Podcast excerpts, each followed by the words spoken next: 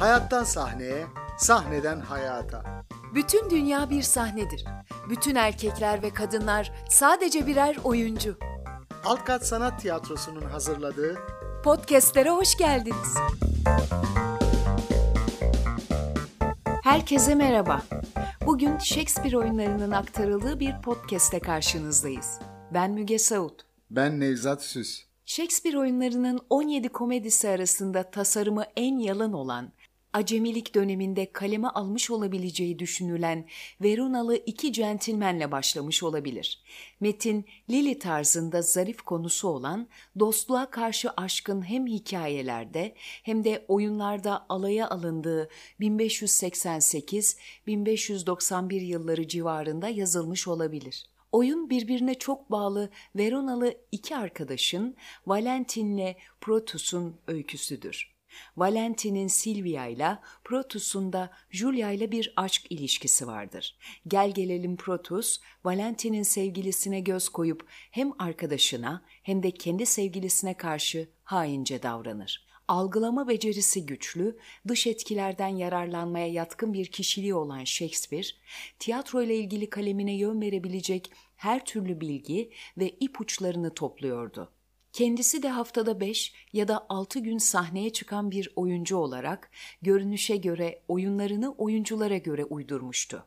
Marlowe'un kışkırtıcı sanatı Shakespeare'i çağın öteki yazarlarının eserlerinden çok daha derinden etkiledi. Öte yandan kraliçenin hükümdarlığı döneminin en önemli olaylarından birinin 1588 yılında İspanyol donanmasının yenilgiye uğratılmasının damgasını taşıyan bir duygusal ortamda Marlowe'un Shakespeare'e başka açılardan da yardımı dokundu. İspanya ile savaş, Shakespeare'in tarihsel oyunlarını içine alan 10 yıllık dönemde sürdü. Bu yıllarda düşman, kıta Avrupa'sında hem bir silahlı güç olarak hem de kültürel canlılık açısından çok üstün durumdaydı. Marlowe'un yazdığı Büyük Timur oyununda İskit çobanı olan kahraman müthiş bir yükselişle akılsız, mecalsiz, farfara hükümdarları alt ederek dünyayı şaşkına çeviren bir insana dönüşür. Bu oyunu Marlowe'un öteki cüretli oyunları izledi ve hünerli ve incelikli özellikleriyle Shakespeare'in biçim ve anlam ögelerine bakışını etkiledi. Doktor Faustus'la Malta Yahudisinde fars ve trajedi bir arada görülür ve bu oyunlar inancı dramaya dönüştürürken her türlü ideolojinin despotluğuna ve ön yargılarına meydan okur. 1593 yılında Marlowe öldürülür. Büyük Timur nasıl 3. Richard'ı biçim yönünden etkilediyse, Stratfordlu yazarın ilk tarihsel oyunlarının da Marlowe'a seyrek dokulu, neredeyse siyasal nitelikli sayılmayabilecek 2. Edward'ı yazmada yardımcı olduğu açıktır.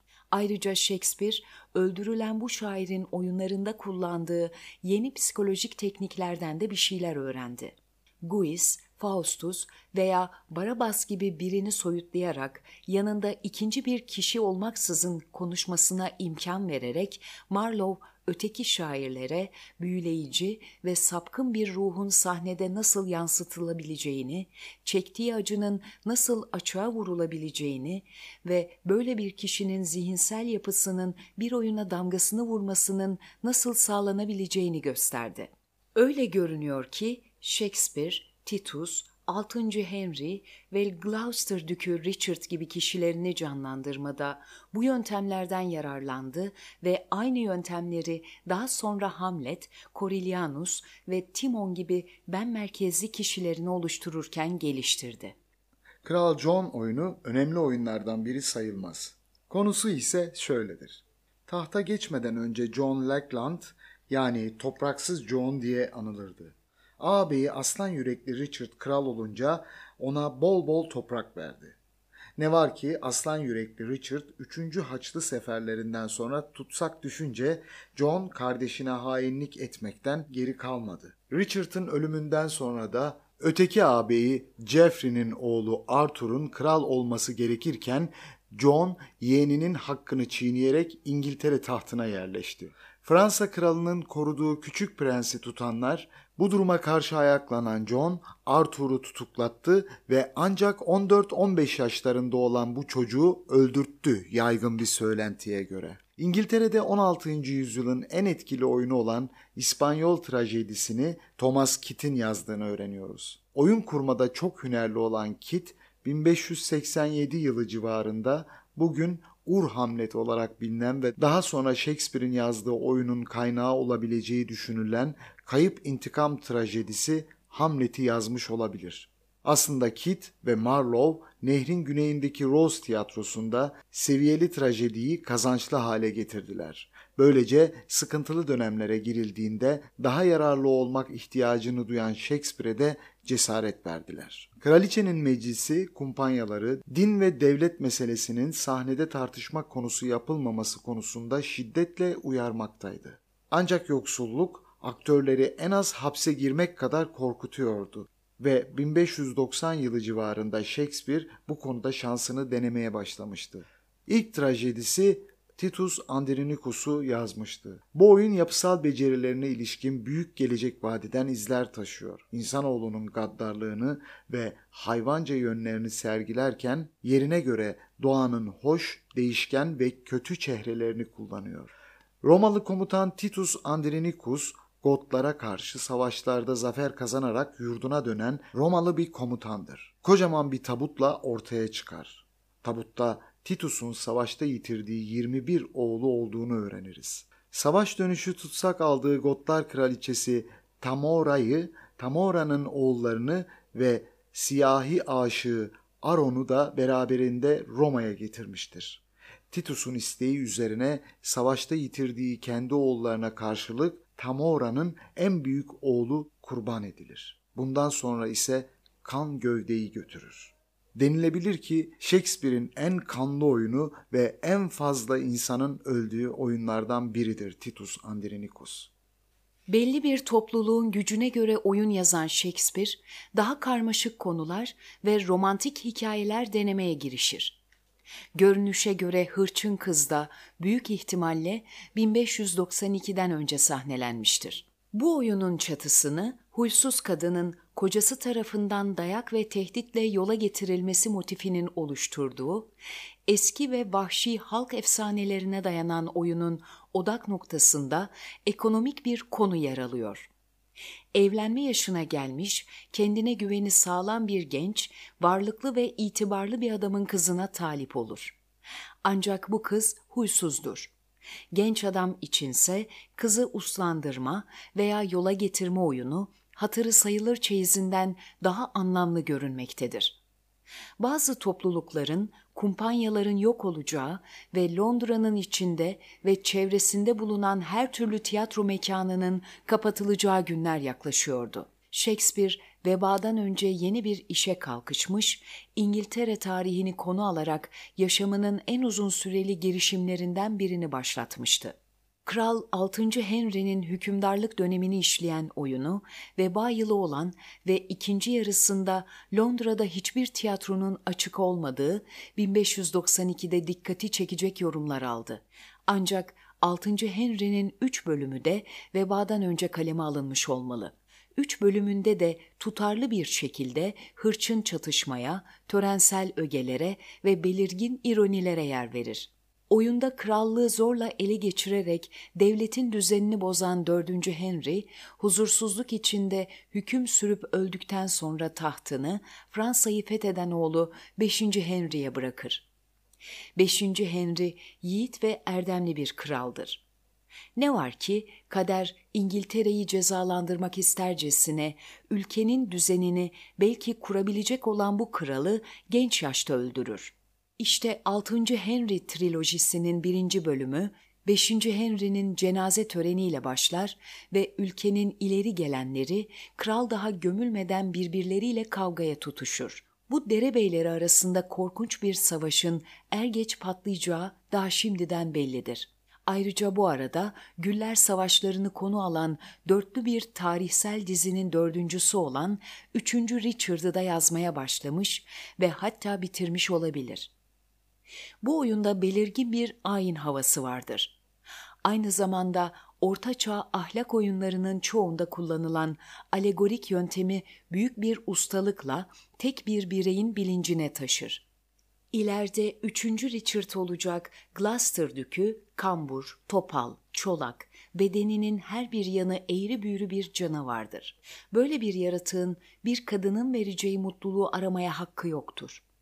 Onun için Richard'ın tek umudu İngiltere tahtına oturup Tanrı'nın kendinden biçimli yarattığı tüm insanları buyruğu altına almaktır. 8. Henry oyununda da bir başlangıç, gelişme ve bir sonu olan tam bir öykü anlatılmaz. Aslında birbirine bağlı olmayan birkaç olay sahnede anlatılır. 1592 yılı Haziran ayı sonuna doğru Shakespeare için Londra tiyatrolarının ekmek kapısı kapandı. Rose Tiyatrosu yakınındaki bir ayaklanma yüzünden yetkililer oyunları yasakladı ve yasağın 29 Eylül yortusuna kadar süreceğini bildirdi. Daha sonra yaz ortasına doğru şehirdeki veba salgını gerekçesiyle kısa süreli iki kış sezonu dışında tiyatrolar 20 ay süreyle kapatıldı. Londra kapanınca kumpanyaların çoğu ya dağıldı ya da turneye çıktı. Böyle büyük bir salgın toplumsal düzende de muazzam sarsıntılar yaşatıyordu. Efendiler, hizmetkarlar ve çıraklarına yol veriyor, ticaret durma noktasına geliyor, iş yerleri kapanıyor, tahıl kıtlığı baş gösteriyordu. Shakespeare'in arzulu erkekler ve anlayışlı kadınlara ilişkin gözlemleri bir saray komedisi düzeninde yazılmış olan Aşkın Çabası Boşa Gitti oyununda dile gelir.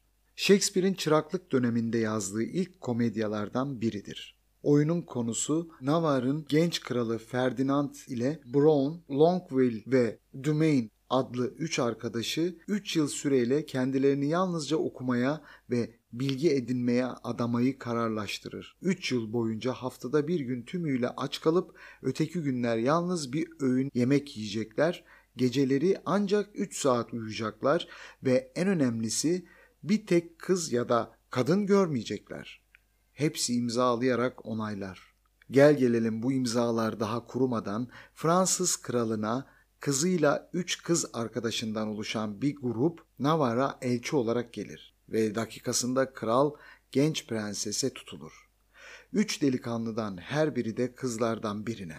Verdikleri sözü tutamadıkları ortaya çıkacak diye ödü kopan delikanlılar aşık olduklarını birbirlerinden gizler. Yanlışlıklar komedyası Shakespeare için elverişsiz sayılmayacak bir ortamda sahnelendi. Shakespeare'in en komik oyunu olarak bu komedi yazarın hatırı sayılır teknik hünerlerini ortaya koyuyor. Etkili komediyle fars karışımı bu oyunda temel kaynağı olan Plautus'un birbirinin tıpkısı ikizleri konu alan komik ve duygusallıktan uzak oyunu Menaşami'nin bir adım ötesine geçerek iki çift ikize yer veriyor ve işleri daha da karıştırıyor. Bu oyunda konu diye bir şey yoktur aslında. Tüm oyun Sirikuzalı Antifolos'un Epososlu Antifolos Epososlu Antipolos'un da Sirikozalı Antipolos sanılması, Sirikozalı uşak Dromio ile Efoslu uşak Dromio'nun birbirleriyle karşılaşması üzerine kuruludur. Sanki neredeyse vebadan kaynaklanan bezginliğe tepki olarak Shakespeare Venüs ile Adonis'i hazırladı. Bu erotik şiir baharda hazırdı. Shakespeare'in cinsel inisiyatif olan kadınlara düşkünlüğünün derin ve muhtemelen kendi yaşamıyla bağlantılı bir yönü var.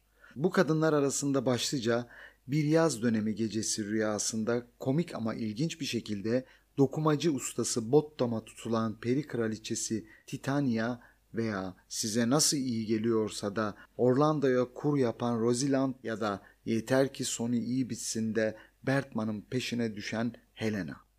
Yeter ki sonu iyi bitsin oyununda Beccaccio'nun öyküsündeki motifleri kullanmıştır. Oyunda cinsel arzu ile tiksinti bir evlilik temasıyla birlikte işlenir.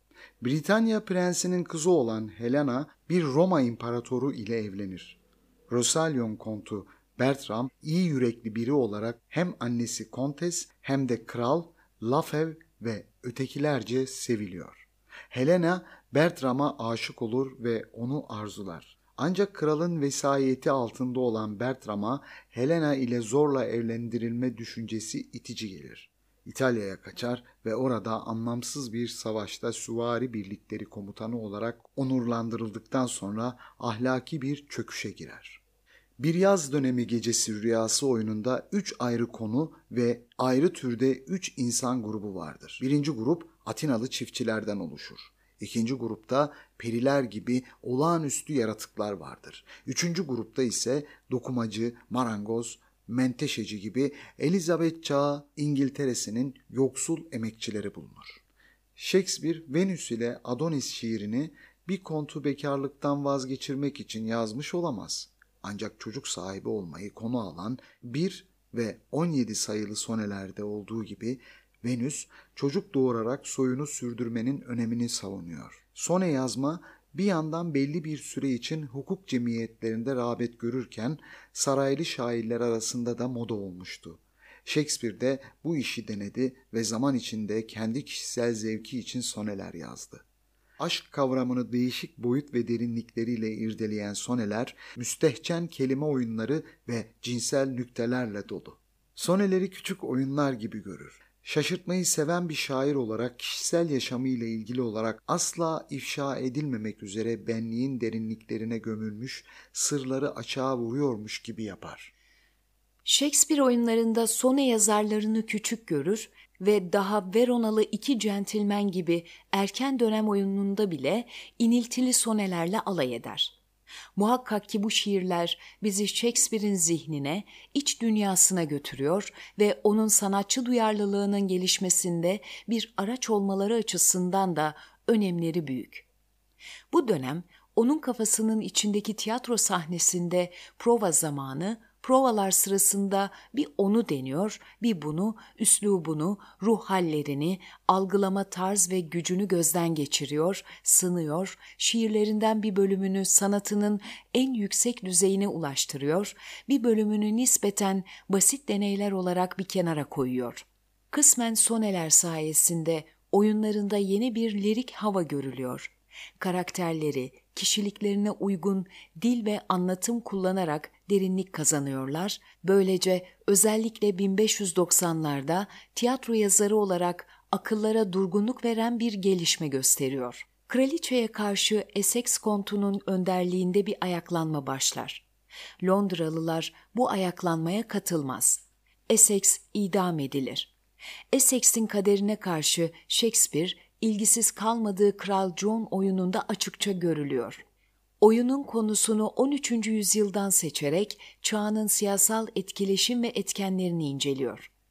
Kral John, Papa'ya karşı geldiği için Elizabeth çağı protestanlarına bir kahraman gibi görünüyordu. Oyundaysa dolap, düzen ve tavizlerle dolu, dinin bile siyasallaştığı bir dünyada yaşayan zayıf ve kararsız bir kişi. Shakespeare, 1595 ve 1596 yıllarında tiyatroda benimsenmiş normların çoğunun dışına çıkarak kendi sanatını sorgular. Mitos ve efsaneye dayalı ilk büyük oyunları olan Romeo ve Juliet ve Bir Yaz Dönemi Gecesi Rüyasında bile halk arasında yerleşik kanıları alaya alır, sonra da İngiliz tarihini alt üst ederek radikal, coşkulu bir alaycı yaratır. Romeo ve Juliet romantik bir komedi gibi başlar. Capuletlerle Montague'ların hizmetkarları sahneye geldikten sonra küçük bir sokak kavgası çıkar. Romeo ve Juliet bir anda aşık olurlar. Hasım İtalyan aileleri arasında aşk meselesini konu alan bir oyundur. Her an olan bitenin bilincinde olmanın ön plana çıktığı bu oyunda anlık gerçekleri ihmal ettikleri için mutluluğa ulaşamazlar trajedi dört günlük bir süreye sığar. Shakespeare'in oyunlarındaki en tüyler ürpertici cinayet Verona sokaklarında işlenir. Otello veya Macbeth'teki hiçbir şiddet olayı, hatta Kral Lear'de Gloucester'ın kör edilme sahnesi bile, Tybalt'ın Romeo'nun kolunun altından kılıcını sokarak Markisio'yu öldürüşü kadar fütursuz, körleme ve korkunç değildir. Bu, sahnelere özgü bir olay değil, Londra'nın her mahallesinde, sokaklarda görülen türden bir cinayet. Juliet'in yüksek veya yüce üslubunda risklere girer. Juliet edebi imgelerle, ordu lejyonlarına seslenen Roma tanrıçasının ezgisel ritim ve dalgalanımlarıyla konuşur. Sonunda ölen sevdalılar uyur gibidir. Daha detaylı okumak için YKY yayınlarından çıkan Park Hona'nın Shakespeare Bir Yaşam ve Cem yayınlarından çıkan Mina Urgan'ın Shakespeare ve Hamlet kitaplarından yararlanılmıştır. Ayrıca Sevda Şener'in Dost yayınlarından çıkan Dünden Bugüne Tiyatro Düşüncesi adlı kitabından da faydalanabilirsiniz. Bir podcast'imizin daha sonuna geldik. Shakespeare'in oyunlarına bir sonraki podcast'imizde devam ediyor olacağız. Hoşçakalın. Hoşçakalın.